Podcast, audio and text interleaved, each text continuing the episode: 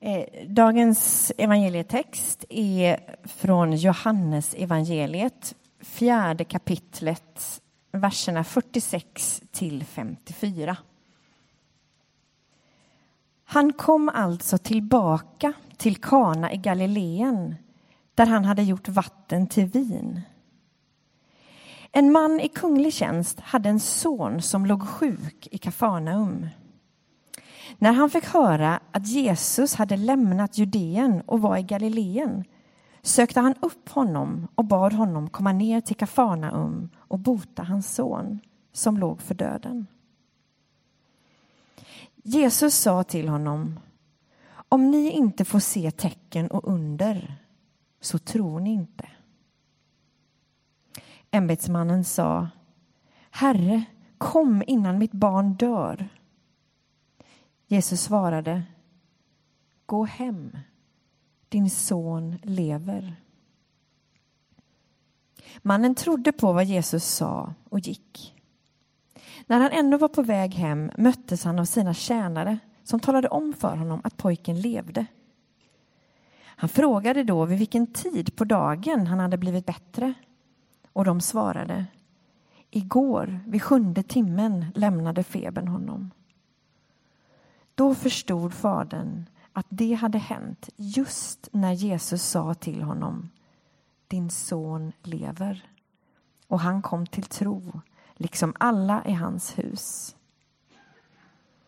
Detta var det andra tecknet och Jesus gjorde det när han hade kommit från Judeen till Galileen. Så lyder det heliga evangeliet.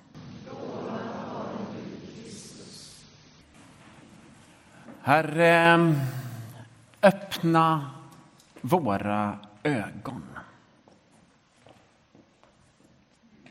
Amen. Jesus skapar tro. Och då ska vi titta på den text som Karin just läste från Johannes evangeliet och också från Andra Kungaboken 5 som ingår i dagens läsning enligt kyrkåret. Där är det ju den arameiska överbefälhavaren Naman som blir spetälsk och söker sig till Elisha till slut.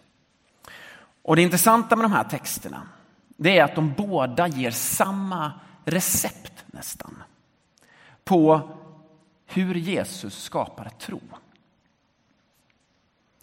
Och det receptet är som alla recept i tre steg.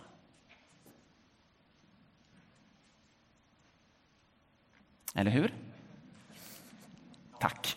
Precis. Någon vet att manualer, recept, do it yourself, det är tre steg. Det är mest framgångsrikt. Det första steget, det handlar om att den här bubblan som är kring mig. Ser ni bubblan? Mm. Den måste spricka. Och den bubbla som ni ser, eftersom ni också har den, eller så ser ni den inte, det är individualismens bubbla. Eller självtillräcklighetens bubbla. Om ni inte har sett den eller fått syn på den så kan ni lyssna på Fredrik Lindströms vinterprat som var nu i mellandagarna. Fredrik Lindström, komikern, programledaren och så vidare. Han höll en predikan om sin religion, om individualismens religion. Och han kom ut som bekännande individualist men också som tvivlande individualist. Han hade nämligen insett att han hade den här religionen. Att han själv var liksom centrum i universum. Och det som hade kommit tidigare och kom efter, det var liksom inte så viktigt utan han är sig själv nog. Och det är ju så i de här texterna också. Det vi möter där, det är en kunglig ämbetsman med mycket makt och kontroll över tillvaron. Och Naman, som är överbefälhavare med makt över arméer som är framgångsrika. Han har gett den arameiske kungen egentligen hans makt. Och det som slår hål på deras kontroll och makt det varierar. Det är olika saker. I båda fallen så är det sjukdom. Naman blir spetälsk och den kungliga ämbetsmannen i Johannes 4 som söker upp Jesus, hans barn har blivit sjukt och är döende. Det kan vara olika saker som spräcker självtillräcklighetens bubbla och vi har olika mycket behov av något som knackar hål på den. Jag tror vissa föds öppna och lite mindre egoistiska än till exempel jag. Men det är egentligen inget nytt. Det börjar redan efter att Gud har skapat människan. Så går det inte så lång tid innan människan själv vill ta makten och plocka den där frukten. Så att det är någonting som verkar vara universellt. Och då kan sjukdom, andra motgångar bli någon slags otillräcklighetens öppning som ett första steg. När vi har sagt detta så måste vi lägga till att vi inte idealiserar sjukdom. Det är inte någonting som i sig är ja. Liksom. Vi idylliserar inte maktlöshet. Det finns alldeles för många människor som har alldeles för lite makt över sina liv. Nej, det är inte det det handlar om. Men det handlar om att våga se att det finns en öppning i den där sprickan där någonting kan lysa in. Eller med Thomas Sjödins fantastiska ord, när våra träd avlövas, ja då kan det faktiskt vara så att vi ser längre. Att sorgen, lidandet, smärtan kan ge en vidgad blick. Men det är inte säkert. Men det kan bli så. Det är inte säkert att den här öppningen blir mot Gud. Men den kan bli det. Otillräckligheten, maktlösheten, sjukdom, smärta, lidande, ensamhet vet vi också kan också leda till bitterhet och väldigt destruktiva spiraler. Men det kan vara en öppning för Gud. Hur blir det en öppning för Gud?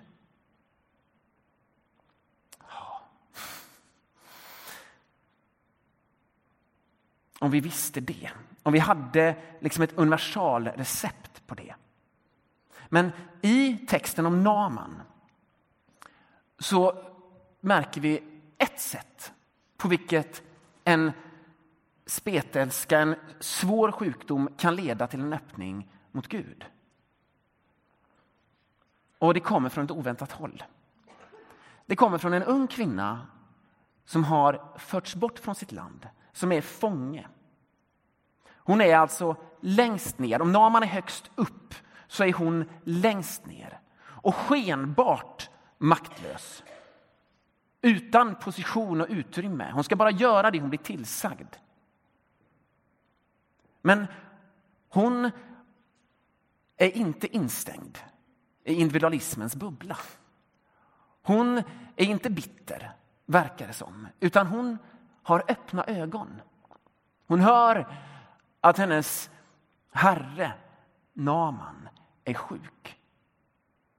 Och då kopplar han ihop det ena och det andra. Och så säger hon till sin matmor, Namans fru, men skulle inte Naman söka upp profeten i Israel, Elisha? Därför att där finns det hjälp, tror jag. Och så får denna fånge, bortförd, utan makt, leda en människa till vad som senare visar sig bli tro och tillbedjan till Gud. Känner du dig fånge ibland? För det gör jag. Jag känner mig instängd av min vardag. Ibland av mitt jobb, av tentor som ska rättas. Jag tror att vi alla, mer eller mindre på olika sätt, kan uppleva att men det finns inget utrymme här. Om jag ändå vore lika modig som David och Malin som kunde ta ett break. Men då säger den här berättelsen oss att hur fången du än är, hur lite makt du än är, så kan du ha ögonen öppna. Och så kan du ge ett tips. Med Israel finns det. Och så kan det leda väldigt långt.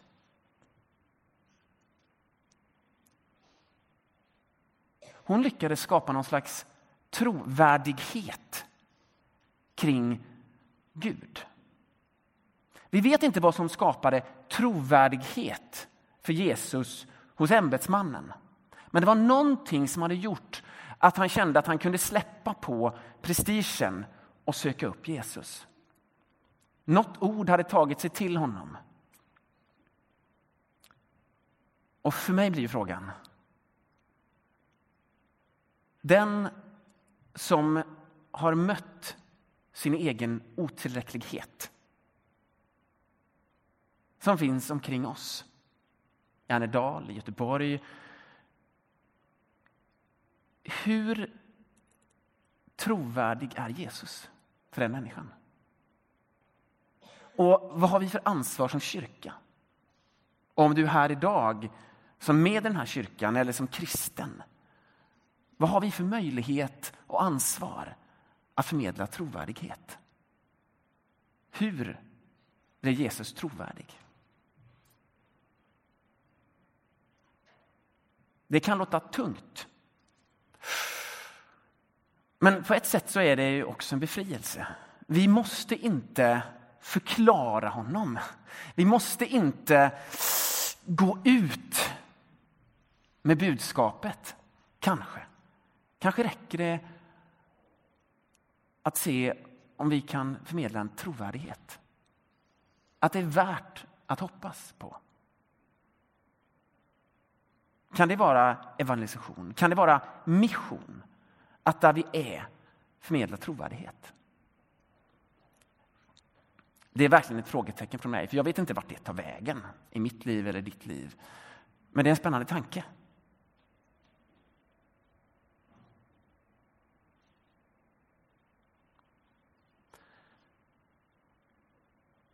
Otillräcklighetens öppning kan leda till Gud. Och sen då? Vad är det tredje steget? Det tredje steget finns för den som har sin bibel uppslagen, som vissa så föredömligt har. I vers 48 kan man se i Johannes 4. Den märkligaste versen i hela den här texten. Den här versen ska skava hos dig. Den ska vara ett mysterium. Varför då? Jo, därför att det kommer en människa i nöd som har sett sin otillräcklighet. Den kommer till Gud, alltså den har klarat av de två första stegen. Check, check. Den blottar sig. Den kungliga ämbetsmannen blottar sig, pappan blottar sig. Vad blir svaret från Jesus? Ska vi läsa i kör? Nej. Det ska vi inte. Svaret är ju ganska surt. Hör ni hur sur han är? Grumpy. Old man, grumpy, young man, grumpy. Det kommer någon och ber om hjälp. Om ni inte får se tecken under så tror ni inte. Det är det han säger. Hör ni det? Det är ännu tydligare i Eugene Petersons översättning i The Message. Där står det, han ville inte.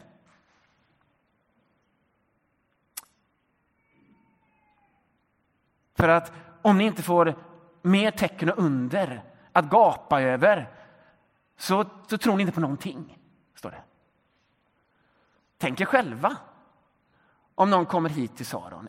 Äntligen någon som kommer hit. Och så går han in, han letar sig in här i bönerummet. Och så hittar han Björn Lindgren. Och så säger han vad han har på hjärtat. Och så säger Björn Lindgren, ja, ni människor, ni vill bara se tecken under, annars så tror ni inte. Plocka bort honom, Daniel, från förbönsrummet. Vi kan ta en sån förebedjare. Man får inte vara förebedjare när man beter sig på det sättet nämligen. Jesus skulle inte platsa i vårt förbönsteam, det kan jag säga. Lita på det. Ja, men det är jättekonstigt. Och det blir ännu konstigare när man betänker Jesus plan. Därför det är nämligen så att de av er som har liksom läst Johannesevangeliet i sin helhet vet att, och det står i den här texten också, detta var det andra tecknet. Johannesevangeliet är upplagt som ett antal tecken som Jesus ger för att visa vem han är. Och det är ingen slump att det börjar, texten börjar med att han kom tillbaka till Kana. Vad hände i Kana? I Galileen. Vad hände i Kana? Bröllopet? Vatten till vin. Det var det första tecknet. Han kommer tillbaka dit. Han har redan gjort ett tecken här. Och, och då skulle man kunna tänka sig att Jesus var så här. Yes!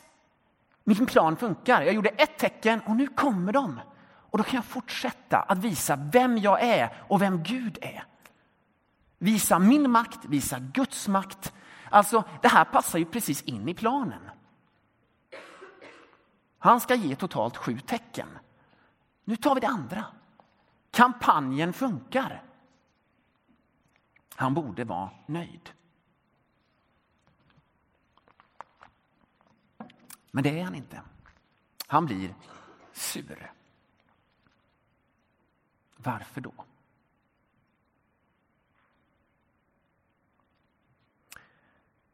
Jag tror det är så här. Att det vi ser, det är en, en stor sorg och oro och frustration. Därför Jesus märker någonting hos människorna omkring honom. Han märker någonting hos oss. För den här versen den är nästan inte riktad till pappan. Märker ni det? Liksom, det är liksom inte så här, du tror inte om du, utan det är ni människor. Det är nästan som versen sticker upp ovanför själva händelsen. Han talar kanske till oss. Med en oro över att kommer det här att funka? Jag har en plan. Jag ska visa vem Gud är. Jag ska ge tecken på tecken på tecken. Och med de tecknen ska människor kunna se någonting, förstå någonting så att de öppnar sig för Gud. Men vad är det som händer?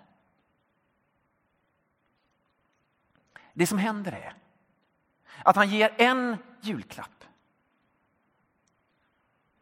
Har ni sett det? Man ger en julklapp till barnet är det rätt färg? Är det rätt form? Och framförallt, är det rätt märke? Ja, Okej, okay. vad är nästa? Vad är nästa? Inte våra barn, förstås. Aldrig. Nej, våra barn de gör som man vill att barnen ska göra. De ser presenten som ett uttryck för någonting större.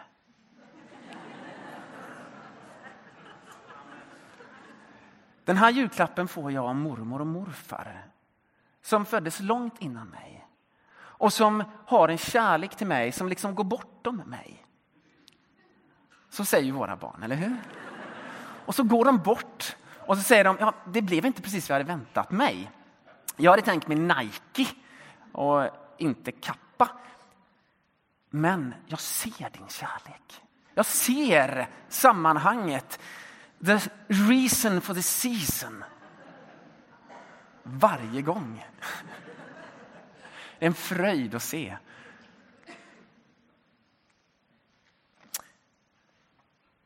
Jesus plan är att liksom teckna. Har ni sett det här? Bilpysslet. Man, liksom, man får ett antal prickar och så ska man förbinda dem. Ja, ja, ja. Man följer siffrorna här. Ett, två, tre, fyra och så ska man se vad det blir. Jesus har en sån här plan. Vi kan ta nästa. Eh, han har en plan. Han ska visa. Först kommer en etta och sen så, och så ska man förbinda de här. Vinundret och sen är det här sonen, temmelsmannen som blir helad och sen så kommer nästa under. Och så är det meningen att folk ska connect the dots. Så. Och så lägger han ut fler och fler och fler. Och meningen är att folk ska se helheten. Men vad är det som händer? Jo, han ger ett tecken. Och vad händer med det tecknet?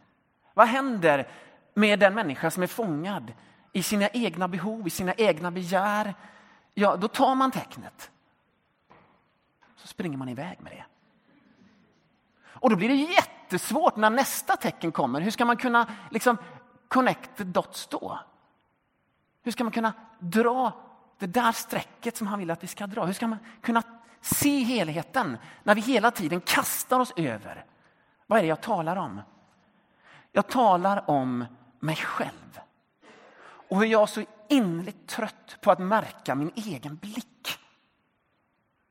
På att livet definieras av en julklapp till, ett behov till, ett begär till. Och där jag säger att jag vill tro på Gud. Och jag blir så trött på min egen blick. Som ju inte är öppen för Gud. Utan som är öppen för en spegling av mina egna behov. Och när inte Gud eller livet stämmer på mina behov då blir jag sur, då blir jag bitter. Då stämmer det inte längre med det som jag har tänkt. Och då kan inte Jesus ta det tredje steget med mig. Han kan inte skapa tro hos mig.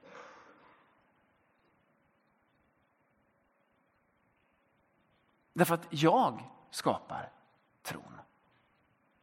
På mig själv, på mina behov, på speglingen av att världen ska motsvara mina förväntningar. Har du varit med om det? Jag är med om det hela tiden. Mina barn motsvarar inte mina förväntningar. Även om de är helt fantastiska. Eh, och relationer jag går in i, där blir det inte heller så att de svarar på mina förväntningar. På min mall för hur det ska se ut.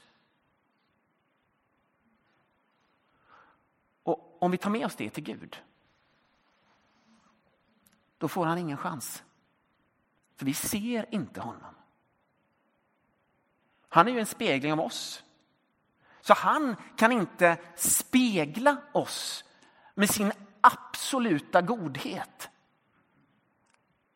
Han har väldigt svårt att komma upp in till oss och gå med oss i allt det som är. För vi bestämmer hela tiden vad som är möjligt och inte. Vad som stämmer och inte. om hans namn är den som går med. Gud med oss. Så får han så svårt för det i mitt liv när jag hela tiden river och sliter och inte ser.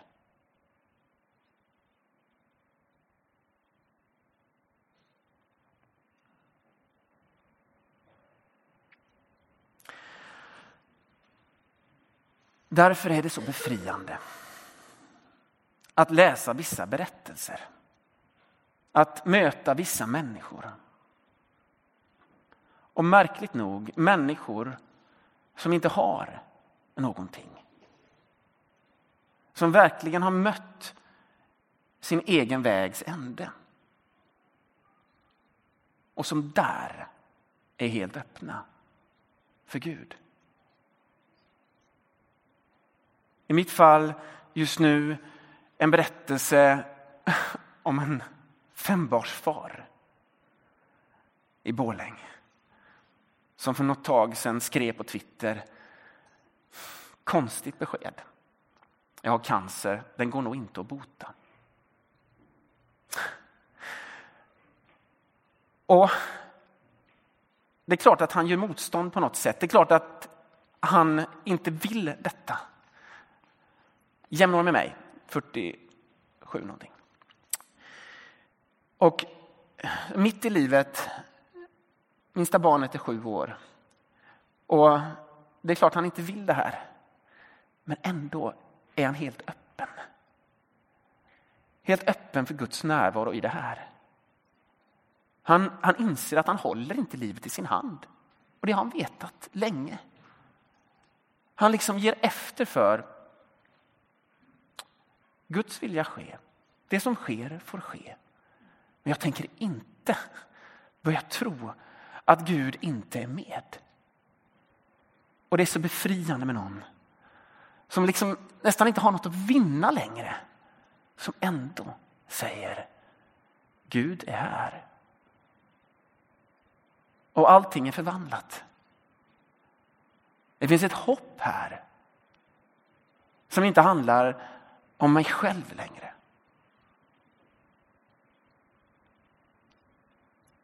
Min historia här och nu med mina barn, med min fru, kanske är slut. Men historien om Gud är inte slut. Hoppet är inte slut.